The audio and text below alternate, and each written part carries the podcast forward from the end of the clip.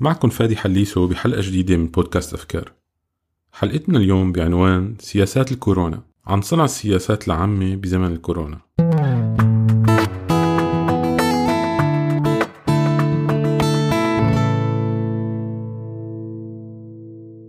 I've got to be clear, we've all got to be clear, this is the worst public health crisis for a generation. Some people compare it to seasonal flu. Alas, that is not right. Owing to the lack of immunity, this disease is more dangerous and it's going to spread further. And I, I must level with you, level with the, the British public. Um, more families, uh, many more families, are going to lose loved ones before their time. المقطع اللي سمعناه هو لرئيس الوزراء البريطاني بوريس جونسون اللي خاطب البريطانيين من أسبوع وقال لهم إنه لازم يحضروا أنفسهم لخسارة الكثير من أحبائهم وبالوقت نفسه وبينما كانت دول أوروبية أخرى عم تعلن إغلاق كلي مثل إيطاليا أو جزئي مثل فرنسا جونسون ما أعطى أي مؤشر لنية بريطانيا اعتماد أي من الخيارين هالشي كان محط جدل كبير على شبكات التواصل الاجتماعي وكتير من المعلقين تساءلوا هل استسلموا زعماء الدول الأوروبية للفيروس؟ فهل هذا الشيء حقيقي؟ من وقت ما أعلنت منظمة الصحة العالمية تحول فيروس كورونا المستجد والمعروف باسم كوفيد 19 لوباء عالمي وحالة من الزعر سيد العالم. الحكومات الغربية والعربية أخذت إجراءات مختلفة من الإغلاق الكامل اللي اتبعته الصين لخيارات متنوعة من إغلاق جزئي بفرنسا ولا إغلاق ببريطانيا. بهالوقت يبدو أنه في دول معينة عم بتعاني من أثر الفيروس أكثر من غيرها. إيطاليا مثلا عم بتسجل أرقام قياسية بأعداد الوفيات حتى أنها تجاوزت عدد الوفيات المسجل بالصين واللي هي بؤرة الوباء. بينما الصين ولأول مرة منذ ظهور الفيروس بتعلن عن عدم تسجيل إصابات جديدة. الرئيس الأمريكي ترامب من جهته وبعد ما كان اعتبر الفيروس مجرد خدعة وتجاهله لعدة أسابيع يبدو أنه اليوم هو وإدارته بحالة استنفار للتعامل مع الوباء اللي أصاب لحديد اليوم 13 ألف مريض بأمريكا. تدريجيا عم نشوف دول العالم عم تلجأ لخيار الإغلاق واحدة بعد التانية وتسكر حدودها. حركة الطيران شبه توقفت حول العالم والقلق كبير من الآثار الاقتصادية المدمرة اللي حتترتب على هالشي رؤساء الدول الكبرى واحد ورا التاني عم يعلنوا عن حزم اقتصادية لمساعدة اقتصادات دولهم على التعافي بمرحلة ما بعد الكورونا. حلقتنا اليوم إذا ما حتناقش الجوانب الطبية لهالوباء وإنما حتركز على مسألة صنع السياسات العامة. كيف السياسيين بياخدوا قراراتهم بظل أزمة عالمية من هالنوع؟ لمناقشة هي الأسئلة حأستضيف بهي الحلقة داني البعاج دبلوماسي سوري سابق وخريج العلاقات الدولية والدبلوماسية من جامعة ويستمنستر بلندن.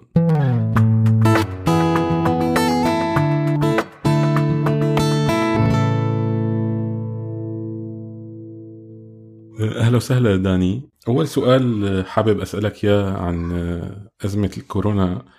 هو السؤال اللي أغلب الناس عم تسأله ليش الدول ما اتبعت الأسلوب الصيني بالحجر الكامل وتأخرت فيه؟ هلا ما بعرف إذا فينا نقول تأخرت أو لا. آه عادة الحكومات بتأخذ قراراتها الخاصة ب بمكافحة جائحة أو وباء أو شيء معين وفق مجموعة من العوامل أول عوامل أول شيء هي رصد المرض نفسه قديش عندك إصابات منه.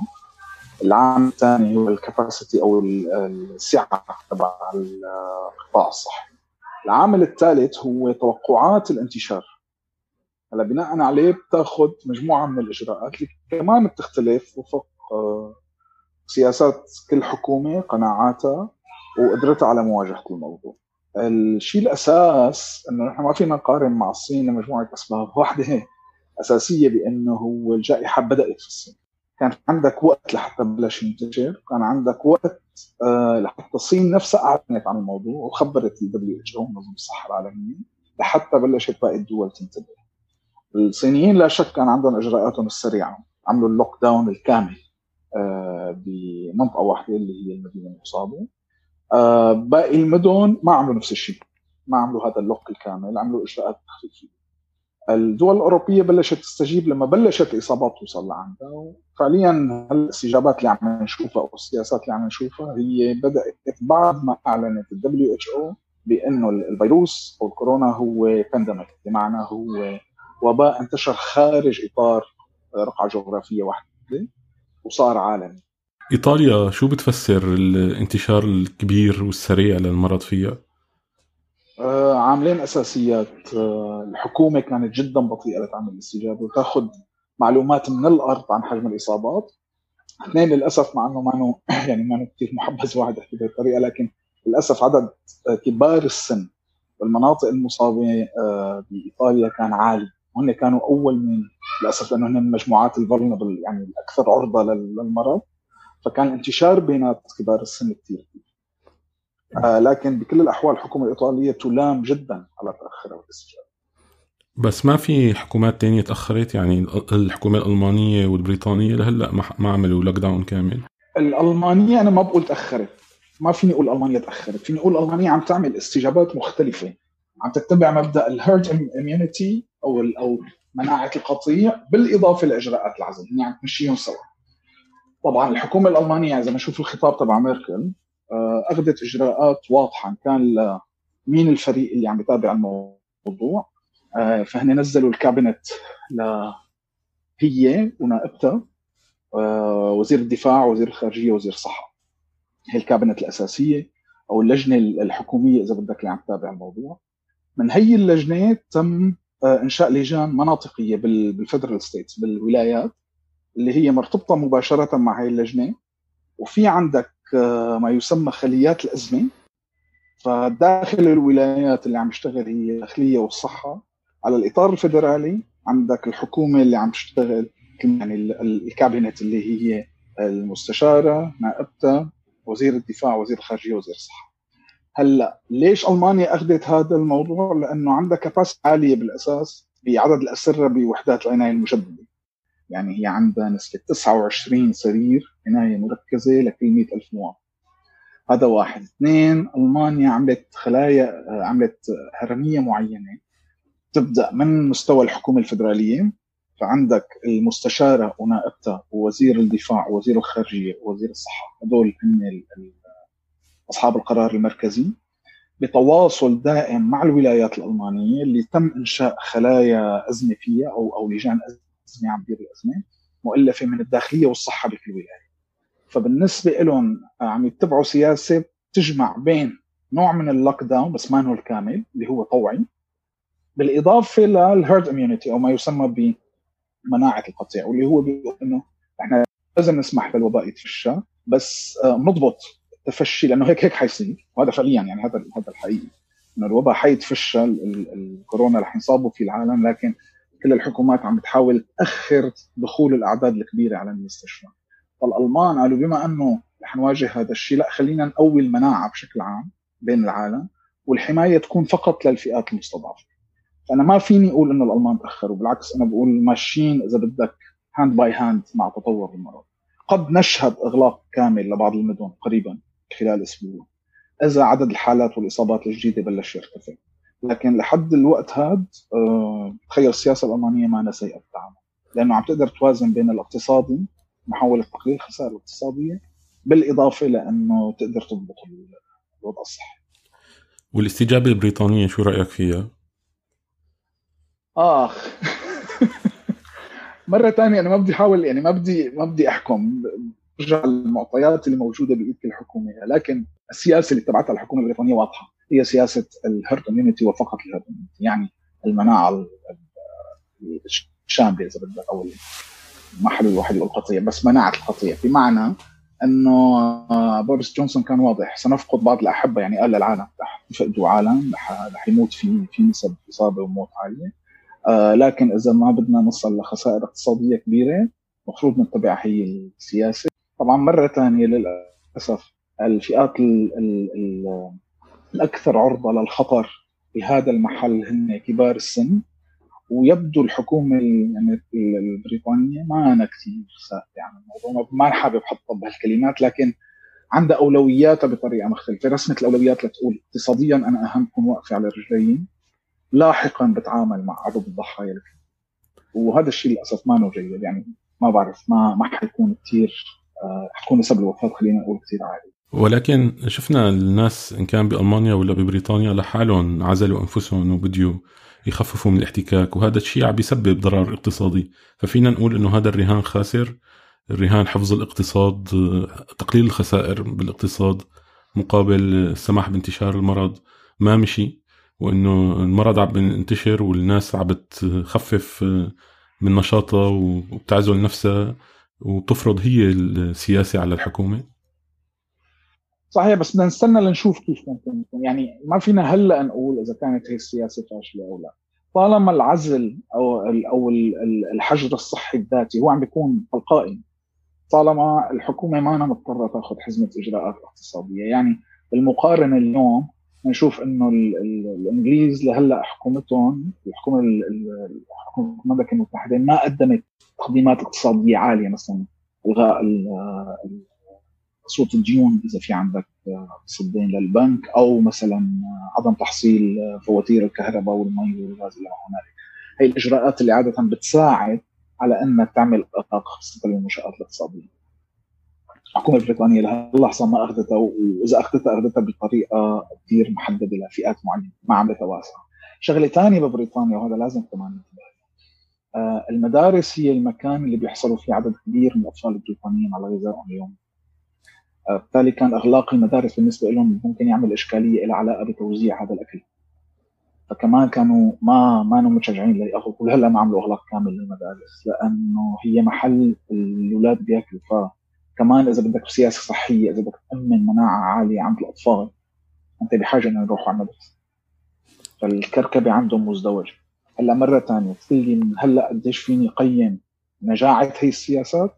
للأسف هلأ ما في معطيات. ممكن نستشرف نقول ممكن تنجح أو لا لكن معطيات اللي بإيدي قليلة لحتى أعطيك آه، جواب.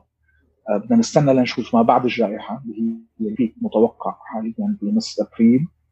إذا نجحت السياسات اللي دفعتها حتكون بنص أيار. بعدها بنقدر نشوف إذا الحكومة جاهزة تتعاطى مع الأثار الاقتصادية للجائحة.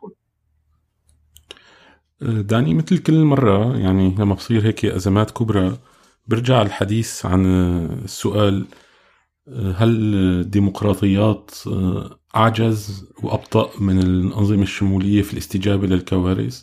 المقارنة بين الصين والأوروبيين أو حتى أمريكا بطريقة استجابتهم وسرعتهم وكفاءة الاستجابة رجعت عند كثيرين طرحت هذا السؤال تبع هل الأنظمة الشمولية أسرع وأكثر كفاءة؟ بما يختص السياسات العامة بشكل عام بكل عند كل الحكومات أه حقيقة موضوع الكفاءة باتخاذ قرارات معينة ما كتير بيرجع لا إذا أنت نظام شمولي أو لا. يعني ممكن أنظمة شمولية ما يكون عندها الإقدار تتعامل مع الموضوع وتفشل وممكن أنظمة ديمقراطية كمان ما يكون عندها هون نرجع أكثر لقدرة أول شيء لاتخاذ القرار المناسب بالوقت المناسب. اثنين لفكرة قديش عندك كاباسيتي أو سعة بما تحتاجه لحتى تواجهه. يعني نفترض اليوم صار زلزال ما عم نحكي عن عن وباء آه إذا كنت بنظام دكتاتوري وعندك دفاع مدني قوي أو عندك آه إدارة كوارث قوية بتنجح فهون القصة ما كثير مرتبطة بالنظام. لكن الفرق حيكون إنه من يتحمل مسؤولية هيك شيء إذا كانت السياسات خاطئة الأنظمة الدكتاتوريه هي الرأس وما حدا حيتحاسب. بينما الأنظمة الديمقراطية إذا اخطات هيك خطأ في مين حيحاسبك إن كان الناخب أو النظام البرلماني نفسه لكن من المشحف إنه يجي أنا أقول يعني نظام دكتاتوري بيعرف يشتغل أكثر بهيك حالات طوارئ أو النظام الديمقراطي هي ابدا ما لها علاقة بالنظام السياسي هي أكثر العلاقة بقديش عندك القدرة تتعامل مع هيك خطر وطبيعة هذا الخطر. آه مرة ثانية في الدنمارك السويد النرويج عم بتعامل يعني هي أنظمة ديمقراطية عم تعامل بطريقة كثير جيدة وعندهم حزمات اقتصاديه جيدة للتعامل مع ما لاحقا مع ما سيحصل من أزمة اقتصادية. عم بيوفروا الصحة. ليش بيقول الصين أحسن؟ كندا اليوم ترودو قدم تقديمات اجتماعية كثير جيدة. وعم يتعامل مع الموضوع كمان بجديه ما فيني أقول في مين أحسن. القصة بترجع. قديش قرارك مناسب لحالة انتشار الوباء بالدولة؟ لنجاعة وقوة القطاع الصحي؟ لقدرة الناس على التعامل مع الحكومة؟ بطريقة صح. وبالنهاية لخطتك يعني إمتى الوقت المناسب لتأخذ قرار؟ الإيطاليان مشكلتهم الأساسية كانت إنه لما بلشوا يأخذوا قرار كان الوقت كثير الاسبان نفس الشيء.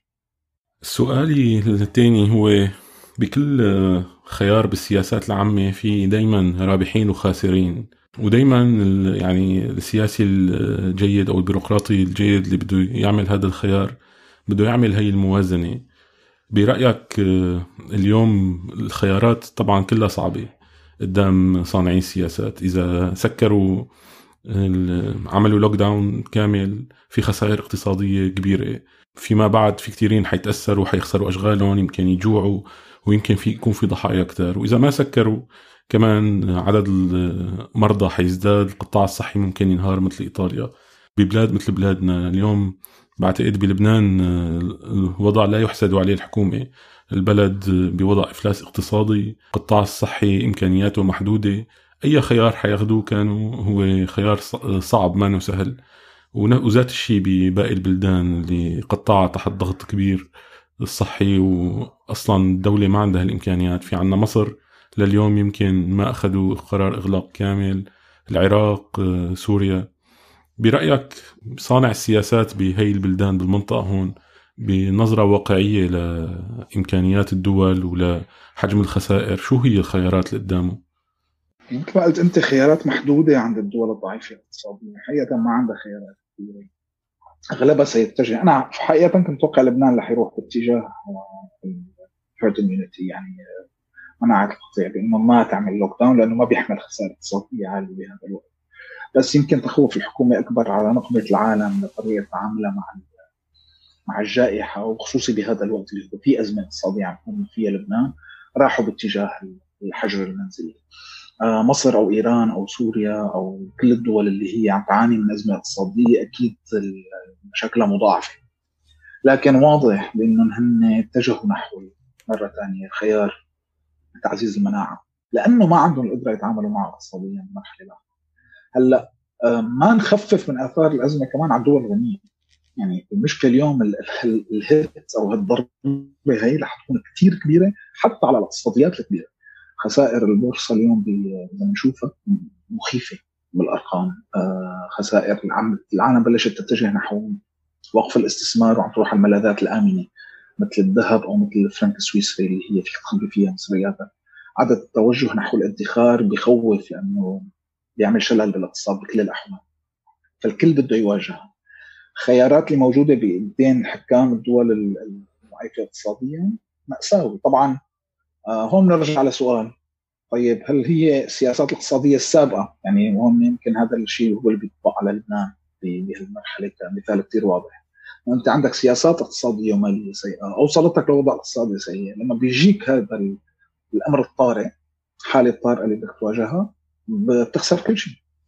فالخسارة بتكون مضاعفة إن كان اقتصاديا أو على المستوى الصحي أه بتأمل وبعتقد إنه ما بعد الانتهاء من يعني الجائحة والتعامل مع الدول قد ينشأ صناديق مساعدة آه، دولية لدول معينة لحتى تقدر تتخطى الأزمة.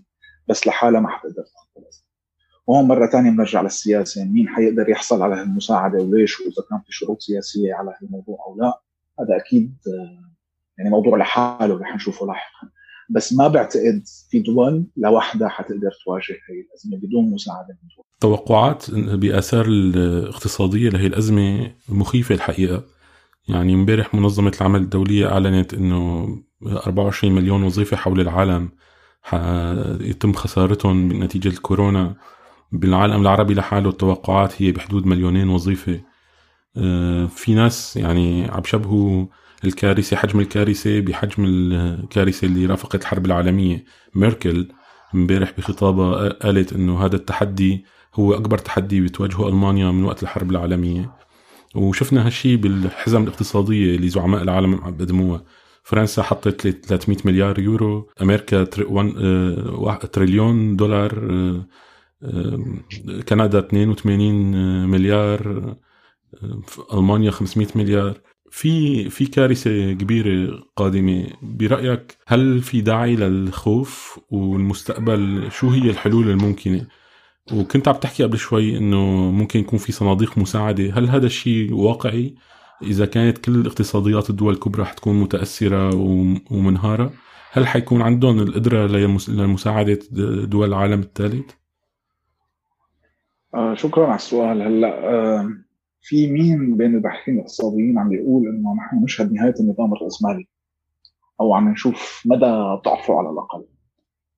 وأنا بوافق بهذا الحكي. إحنا عم نشوف قديش هي التركيبة الكابيتالست اللي هي بدون رأسمالية بدون أي سياسات اجتماعية عم تواجه فلاحه وإيه رح تكون الكلفه كثير كبيرة يعني ذكرت ميركل أنا بذكر لك كمان ماكرون اللي كان بوضوح خطابه عم بيقول نحن بمواجهة حرب وكرر هذه الكلمة أكثر من مرة خلال الخطاب هي حرب. آه فعم نحكي عن اقتصاد حرب. هلأ في إجراءات اللي كلنا بنعرفها تمت اتخاذها من قبل بعض الحكومات للمساعدة على التعافي السريع. عادة بشكل عام اقتصاديا بعد ما بكون عندك أزمة تبلش تتخطاها بصير في مرحلة انتعاش كبداية.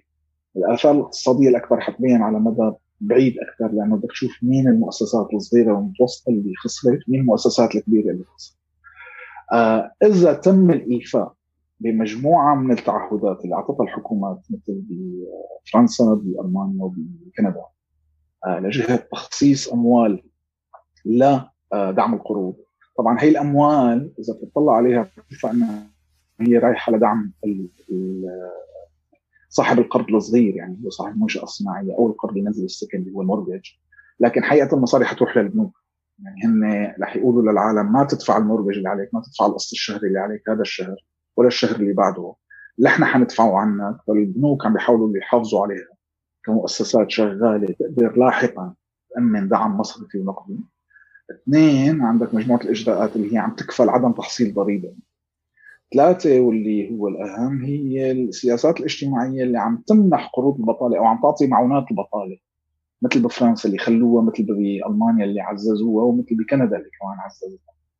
بأنه باللحظة اللي بينتهى فيها الجائحة العالم ترجع يفترض تكون عندك هي الإجراءات ساهمت بإعادة العجلة الاقتصادية بسرعة عندك early recovery سريع تعافي سريع ولاحقا على المدى الطويل تتعامل مع ال ال ال الآثار البعيده المدى لهي الأزمة. بس هون عم نحكي كمان بأزمة لها علاقة بأنه مؤسسات كبيرة رح تخسر آه هل رح تروح الحكومات لتعمل bailout تنقذ هي المؤسسات هذا ما بعرف. اثنين حجم الادخار اللي بتقدر تعمله وترجع تضخ هي الأموال بالسوق. ما واضح آه، اليوم عم نشوف في نوع من منحى صحيح في خسارة وظائف بس كمان عندك ميل نحو وظائف ثانية. آه، امازون اليوم أعلنت عن أكثر من 100 فرصة عمل 100 آه، ألف فرصة عمل حول العالم. يعني في مين عم يكسب؟ وهذا شيء طبيعي بالأزمات. في مين بيربح في مين بيخسر. نجاعة هي السياسات الحكومية مرة ثانية. بدنا نستنى لنشوف. بس تخلص الجائحة. قديش حجم الكارثة؟ قديش حجم الخسائر الاقتصادية الحقيقية؟ وبعدين قديش قدرت الاقتصاد على التعافي؟ أنا هون بقول إذا بدي أستشرف المستقبل من فترة ثلاث سنين بدأت مجموعة من الكتابات تزامنت مع بدء الحديث عن ما يسمى بال minimum universal income اللي طرحته النرويج والسويد كانت عم تجربه. إنك أنت تعطي دخل شهري ثابت لكل مواطن. بغض النظر عن دخله الحقيقي. وكان في نقاش كثير كبير حول هذا هذا الكونسبت هذا المفهوم بالاقتصاد وقديش ممكن يغير بالاقتصاد. كمان كان في حديث ودراسات عم تحكي عن إنه شكل الاقتصاد الحالي اللي نحن بنعرفه الكلاسيكي بلش يتغير بسبب التكنولوجيا قدرتك على القيام بأعمال من المنزل زادت. هذا عم نشوفه اليوم بال يعني فجأة بالتعامل مع كورونا بسبب الحجر المنزلي وضح قديش في أعمال ممكن القيام فيها بالمنزل. شو بيعني لما أنا عم بقدر أعمل شغلي من البيت؟ عم يعني إنه شكل الاقتصاد بطريقته الحالية للموظف اللي بيروح على الشغل وبيداوم ساعات عمل معينة وبيعطي إنتاجية معينة ممكن يتحول أكثر وأكثر لاتجاه القيام بمجموعة أعمال آه ما بتكون مخصصة لشركة واحدة. مثلا اليوم ظهر بالسويد سكرتيرات المنزل اللي هن أغلبهم سيدات عم بيكونوا قاعدين ببيوتهم وعم يعملوا أعمال سكرتيريه العاديه من بيتهم لأكثر من شركة ولأكثر من مدير. وعم بيحصلوا أرباح وعم بيحصلوا دخل. فهذا عم يغير من شكل الاقتصاد. يمكن نحن رح نشوف تسريع بسبب الكورونا لأنه نروح باتجاه تغيير الاقتصاد الكلاسيكي اللي هو خاضع لدخل ضريبه لنشوفه باتجاه أكثر أعمال حرة فريلانس عمل من المنزل بمقابل ضرائب على الأرباح. وأنا برأيي بنكون فعليا عم نصحى عم عم عم نعيش لحظة تاريخية يعني قد ما هي تاريخية عم نشوف الكورونا وكيف عم بيأثر قد ما عم نشوف كمان هي التأثيرات على الاقتصاد آه، باعتقادي رح نشوف الارهاصات الأولى من التغيير بشكله الحالي التقليدي آه، مع نهاية مع نهاية جائحه الكورونا. داني خليني أرجع خطوة لورا، هل التقديمات اللي أعلنت عنها الحكومات الغربية هي واقعية؟ آه، يعني آه، بدي آخذ مثالين. عندك بفرنسا كل المظاهرات خلال السنة الماضية والإضرابات آه، اللي شلت النقل بباريس كانت على إصلاح النظام التقاعدي وفجأة لأنه بحسب ماكرون الاقتصاد الفرنسي ما عاد بيتحمل هذا النظام مثل ما هو. وفجأة امبارح بخطابه من يومين أعلن إلغاء هي الإصلاحات. فالسؤال هو منين حيدفعوها؟ وذات الشيء بأمريكا. أمريكا بال tax cuts اللي عملها آه، ترامب. كمان هو جرد الخزينة من موارد هائلة وكمان بضغطوا على الفيدرالي الأمريكي لتخفيض الفائدة آه، هي بأدنى مستوياتها على الإطلاق. فكمان ما عاد في بيمتلك الأدوات آه، بخزينته ليقدم كثير فالسؤال هل هي الوعود هي too good to be true أكثر يعني ما ممكن تكون واقعية؟ أنا برأيي هي الحد الأدنى. يعني I hope it's too good to be true بس هي لا للأسف هي الحد الأدنى اللي ممكن تعمله. لتقدر تساعد على انك تنتعش اقتصاديا بعد اذن آه ماكرون فعلا سحب إصلاح النظام التقاعدي هو بالأساس في كثير عالم بفرنسا كانت شايفته إشكال. آه لأنه نظام التقاعد كثير بيعتبروه social كثير اجتماعي. فعم بيقدم تقديمات كثير عالية آه، لشرائح لا تقدم إنتاج كافي لحتى تغطي هذا وهي معنا شرائح آه، آه، هشة اقتصاديا يعني هي عالم. يعني المشكلة بالنظام الفرنسي بلحظة معينة إنه في مجموعة من الأشخاص اللي بيشتغلوا بس ما بيعملوا كثير فلوس أو ما بي بيقدروا يعملوا دخل لكن مساهمتهم ضمن هذا الدخل عم تس... آه، طبيعة وظيفتهم عم تسمح لهم بتقاعد مبكر وعم ياخذوا من درب العالم اللي بتشتغل أكثر. فهي كان في حديث عن نوع من عدم العدالة. لكن بنفس الوقت هي الفئات مهمشة اقتصاديا كانت بحاجة لدعمها حقيقة مفهوم إصلاح النظام الضريبي بفرنسا كثير معقد. آه، لكن سحبه أكيد هو من ضمن الإجراءات اللي عملها ماكرون للتعامل مع هي الأزمة لأنه هلأ مو وقت تحط سياسيا على الطاولة مشاريع إصلاح هيكلية كبيرة آه، وأنت عم تواجه الازمه قد يعود لاحقا له لكن مجموعة الإجراءات الكاملة إن كان بتخفيضات الضرائب أو بالإعفاءات اللي عم بتصير أو بتقليص أو زيادة المساهمة الاجتماعية هي الحد الأدنى اللي ممكن هي الحكومات تاخذه تخيل لو ما اتخذت هي الإجراءات. يعني هون السؤال أنا برأيي. إذا ما أخذوا هي الإجراءات كيف حيتعاملوا مع الموضوع مع مع لوك داون كامل لمنشآت اقتصادية لعمل العالم قاعدة ببيوتها وبحاجة المؤسسات الاقتصادية إنه تعطي آه، آه، دخل يعني تخلي الدخل مستمر وهي عم تصرف بدون أي أرباح. فما بشوفها to be true. حقيقة بشوفها كثير قليلة. وبشوف لازم تنعصر الاقتصادات أكثر لحتى تأمن تقديمات أكثر لتكون ال recovery أو الانتعاش بعد الأزمة أحسن أو عنده آه، فرصة أكبر للنجاح. آه، بتخيل دول مثل ألمانيا عندها احتياط قوي رح تكون قادرة تقدم بس الإشكالية حتكون مرة ثانية بالدول الضعيفة اللي ما عندها القدرة تحط هي المصاري. أمريكا بتقدر تحط تحمل هيك كيفه فرنسا إلى حد ما بالشيء اللي قدموه قادرين يحملوا كله ما حيقدروا يحملوا بس إسبانيا وإيطاليا إذا صار في جائحة باليونان آه، لبنان هون رح تكون كوارث. وحكوماتها ما حتقدر تعمل شيء. نرجع لكمالة السؤال هل ممكن يكون في صناديق لاحقة؟ إيه ليش لا؟ بس الخوف بإنه القطاع الخاص نفسه حتى بالشركات الكبيرة قد ما يكون عنده الملاءة اللازمة لدعم هيك صناديق. لأنه اليوم مثل ما المطعم الصغير عم يخسر مثل ما أبل عم تخسر. وصحيح الخسارات نسبية بس إذا بتنتبه لها بتلاقيها كبيرة ما صغيرة. فأنا كمان يعني ما بدي أفكر بطريقة رأسمالية أو إشتراكية يعني أتحيز لإيديولوجيا معينة. إلا إنه حقيقة إذا ما بقدر أدعم الاثنين سوا آه، المؤسسات الصغيرة والمؤسسات الكبيرة الانتعاش بعد الأزمة حيكون كثير كثير صعب. وساعتها حنفوت مصير. منها كساد عالم. بعد ما حتخلص من أزمة الكورونا والأزمة الاقتصاديه الحاليه حتدخل بأزمة تسلا هون حيكون في مشكلة. أه سؤال هل سريع هل عم نشهد آه، انهيار الاتحاد الأوروبي؟ امبارح أه شفنا الرئيس الصربي بموقف كتير مؤثر عم بيتهم الاتحاد الأوروبي بأنه آه، ما ساعد صربيا وما شاف تضامن أوروبي وأنه الوحيد اللي ساعد صربيا بهي الأزمة هو الصين. فهل آه، اليوم الاتحاد الأوروبي عم بتفكك بشكل تلقائي لما كل دولة آه، هي مشغولة بمواجهة مشاكلها الخاصة؟ أه ما بعرف حقيقة. هلأ بريكزت خروج بريطانيا من الاتحاد الأوروبي كشفت مجموعة كبيرة من العيوب. أه وورجت إنه الاتحاد الأوروبي شكل عم نشوفه من بر كمان وبهالقوه اي واحد. اثنين بالتأكيد مشاكل ثانية مثل كورونا الاقتصادية الأزمة الاقتصادية اللي كانت بالأزمة اليورو. كشفت مناطق آه، ضعف إن كان بالهيكليات السياسية أو الاقتصادية. البعض اليوم عم بيقول إنه في تضخم بمؤسسات الاتحاد الأوروبي عم بحكي عن عن بيروقراطية كبيرة غير فعالة وبالتالي لازم انتهاء منها ويمكن العودة شوي لقبل معاهدة ماستريخ وفي مين عم بيقول لا تعالوا نخلص منه؟ يعني خلص حاجة فعلا هي وقت إنه ننهي الاتحاد الأوروبي ونطلق عليه رصاصه الرحم.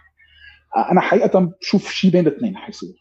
أه شوف حيكون في نوع من التراجع لدور الاتحاد كاتحاد. هلأ طبعا في مجموعة سياسات تم اتخاذها على صعيد أوروبي منها حصر الحركة داخل منطقة الشنغن أو دخول للشنغن وأغلاق الحدود هذا ما تم كل دولة لوحدها هذا صار بإطار يعني من خلال بروكسل من خلال المفوضية. في مجموعة قوانين ثانية تم اتخاذ إجراءات صحية لدعم القطاعات الصحية ببعض الدول كمان صار. بس إنه صربيا اليوم تنق على الاتحاد الأوروبي أول شيء صربيا ما أخذت أكسس كامل. اثنين آه إذا بتقول الصين ساعدت كثير منيح كثر خير الصين. برايي كل واحد لازم يساعد. بس ما فيها تلوم بس الاتحاد الأوروبي على قله التعامل مع المشكلة. لأنه اولا وأخيرا كل حكومة لازم تتعامل مع الوضع اللي هي عندها إياه الطريقة اللي هي آه، والطريقة اللي بتحط فيها أولوياتها فيه آه ممكن نلوم بعض ممكن ممكن مرة ثانية حدا يطلع يقول الصين كانت أساس المشكلة لازم نحملها كل كل تبعات الأزمة. بس هذا ما صحيح لأنه دقيق لا سياسيا لا اقتصاديا. آه الاتحاد الأوروبي مشاكله كثير كبيرة ولا شك كورونا رح آه أو هي الأزمة الحالية الصحية رح تكشف أكثر مواطن عيوب. قد نسمع أكثر وأكثر على الأقل تغيير الشكل الحالي للاتحاد سؤالي الأخير هل الصين حتطلع الفائز الأكبر من هذا من هي الأزمة؟ اليوم عم نسمع إنه هي على وشك إعلان انتصار على الفيروس وتقريبا الصناعة استعادت 90% من طاقتها قبل الأزمة فهل هي حتطلع المنتصر الأكبر والقطب الجديد في السياسة الدولية؟ هلا إذا عم نحكي اقتصاديا لسه الناتج القومي الإجمالي لامريكا بتجاوز الصين مراحل التوقعات إنه إذا الصين تتجاوز هذا الشيء فعم نحكي عن 25 سنة 30 سنة يعني على الأقل نحكي عن جي دي بي ينافس الولايات المتحدة. الامريكيه. يمكن الصين اليوم فعلا اليوم أعلنوا إنه ما في ولا اصابه جديدة ورح يقدروا يرجعوا. انتعاش الاقتصاد الصيني حيساعد لاحقا انتعاش الاقتصاد العالمي لا شك. في حال طلعت الدول من من أزمتها. أما أعتبرها منتصر فلا لأنه الخسائر الحالية يعني هن لأنه بلش الفيروس عندهم قبل فبلشت خسائرهم من قبل. الخسائر الاقتصادية الحالية المباشرة وغير المباشرة اللي عندهم بدها على الأقل سنة لحتى تسترجع. المحل اللي كانت فيه قبل ما تبلش الأزمة. فهي فقط لأنه سبق الفيروس عندها وتعاملت معه اليوم عم تقدر تبلش قبل غيرها بالتعافي لكن كمان اليوم مين بيشتري منتجات؟ يعني خلي المعامل ترجع للمية بالمية. آه، منتجات الصينية وين بدها تروح؟ إذا بالأساس عندك قدرة شرائية أوروبية وأمريكية ضعيفة وهن أكبر المستوردين من الصين. آه، شو حتستفيد برجع بقول بكير بكير كثير نحكي عن عن خروج حدا منتصر أو مهزوم بهالأزمة. بكير كثير نحكي عن سياسات ناجحة أو غير ناجحة. للأسف بحاجة نستنى نشوف كيف النتائج حتطلع وبعدين نقيم بطريقة أفضل. لكن عندي شك أنا يعني بإنه والله الصين تطلع هلا منتصره لأنه حجم الخسائر اللي هلأ اوريدي حاملتها هو كبير وبدها وقت للتعويض واللي ما حتقدر تعوض فقط من عودة صناعاتها للعمل هي بحاجة لعودة تعافي اقتصادي عالمي كامل حتى تقدر ترجع ترجع من الخسائر.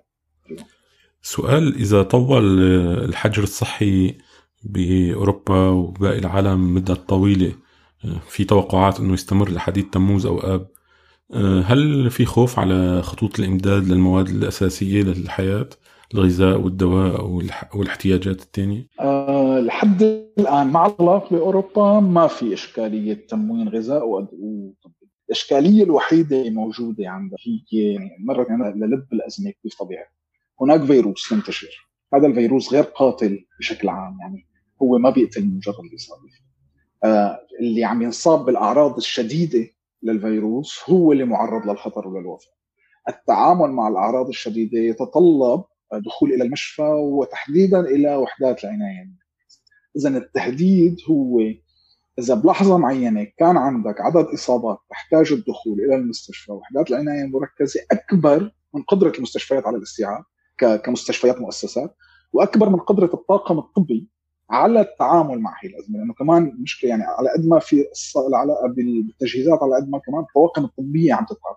يعني صرنا اليوم عم نشوف فيديوهات من إيطاليا عم ترجي مدى الاعياء اللي وصل له الأطباء والممرضين بالإضافة بأنه تركيزك عم بيصير على هذا المرض الوحيد وكأنه الدنيا بتمشي بدون باقي الأمراض. يعني اليوم اللي عم يصيبه ذبحة قلبية خلينا نقول أو جلطة أو أزمة عم بيتم أو بحاجة ل إنه يكون بوحدة العناية المركزه ما حيكون له دور لأنه وحدات العناية المركزه كل هي الإجراءات اللي عم تتاخذ هدفها إنه تعمل تدريج لدخول العالم المصابين إلى المستشفيات واعتمادهم على الطاقم الصحي وعلى المؤسسات الصحية. شو اللي عم تحاول أوروبا تعمل؟ المصطلح اللي كل العالم عم تستخدمه ما يسمى فلاتن دي كيرف أو تسطيح أو تبسيط المنحى البياني. بمعنى نحاول ما نوصل للبيك. فاساسا جميع هي الإجراءات بما فيها الأغلاق الجزئي الحالي يعني خلينا نكون كمان كثير دقيقين. الأغلاق الكلي لم يحصل إلا في إيطاليا وإسبانيا حتى هذه اللحظة آه، ما في أغلاق كلي لا بفرنسا ولا بالمانيا قد يحصل متوقع أن يحصل بعد أسبوعين أو تركيا كمان بنفس المحل اذا الأغلاق الجزئي لا عم يسمح لك تطلع يعني إحنا بفرنسا بنطلع بنشتري الاغراض تبعنا الأساسيات موجودة. ما حيوقف السبلاي. أه لحتى نوصل لمرحلة الإغلاق الكامل اللي هي مثل إيطاليا وإسبانيا ساعتها عم نحكي باقتراب من البيك أو من الحد الأقصى لعدد المرضى اللي عم يدخلوا للمستشفيات يوميا وعدد الإصابات الجديده إذا نفدت من هذا العنق تبع الزجاجة فما في مشكلة لأنه أساسا السياسات المتخذة مع إجراءاتها عم تتعامل مثل ما قلت عم تتعامل مع الموضوع بأنه لن نخرج من هذه الأزمة قبل تموز. فعم تتعامل مع أنه رح تضل قاعد ببيتك لفترة طويلة تتعدى الشهرين وثلاثه والسياسات المتخذة إن كان من الاعفاءات خاصة بالاقتصاد أو بتأمين الموارد الغذائية والصحية الأساسية كمان عم تتعامل مع الموضوع هذا فكرة أنه ما يكون في بيك آه، ما يكون في ذروة لعدد آه، أشخاص اللي بيحتاجوا لخدمات القطاع الصحي. بلحظة معينة منعا لانهيار القطاع الصحي هو أساس كل هالسياسات. إذا قدرت تنفذ منه فما في مشكلة لأنه رح يضل في أكل وشرب رح تضل تطلع وتفوت رح يضل في سائقي شاحنات عم بيوصلوا آه، مواد غذائية رح يضل في ال chain supply chain بمعنى سلسلة التوصيل اللوجستية حتكون شغالة ما حتوقف. لكن وهون كانت المشكلة بسمع إنه الصين رح تنجح بالموضوع أو لا لأنه إذا نفذت الصين وهلأ هيدي مش موجودة؟ فقدرتنا على التعامل مع تعافي مبكر أحسن لأنه معناتها إجراءات معينة عم تؤدي للنجاح بانك تتجاوز هذا الموضوع. النقطة الأخيرة اللي بدي أحكي فيها هي إنه لما بدنا نطلع من القصة هي السياسات رح تكون فعليا اللحظة اللي بتحط فيها على المحك إذا كانت ناجعه أو لا لأنه إذا نفذت إذا ما كان عندك سياسات أو إجراءات حكومية تساعد على إنه يضل في أكل وشرب بالبلد مشكله تخيل آه كل الإجراءات الحالية هي اخذ بعين الاعتبار أزمة طويلة ما بتخلص قبل تموز لحتى تبلش تتلحلح إذا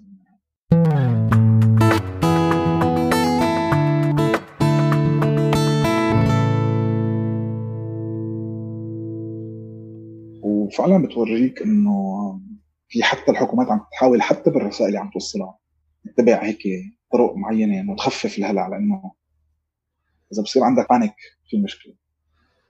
قانونيا مثلا هي نسيت اقولها مثلا. قانونيا حتى بال force majeure تشدد العقوبات على بعض الجرائم. يعني إذا اليوم بيصير حالات سرقة وهذا متوقع.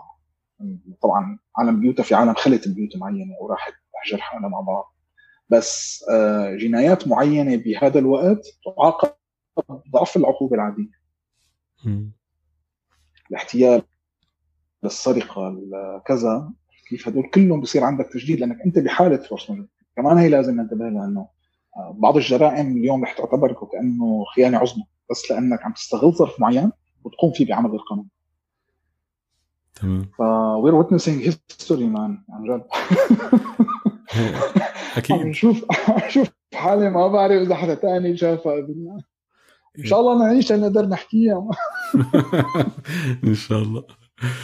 إيه التاريخ عم نشوف التاريخ عم بصير قدامنا وهيك لحظة بتخوف بس لحظة.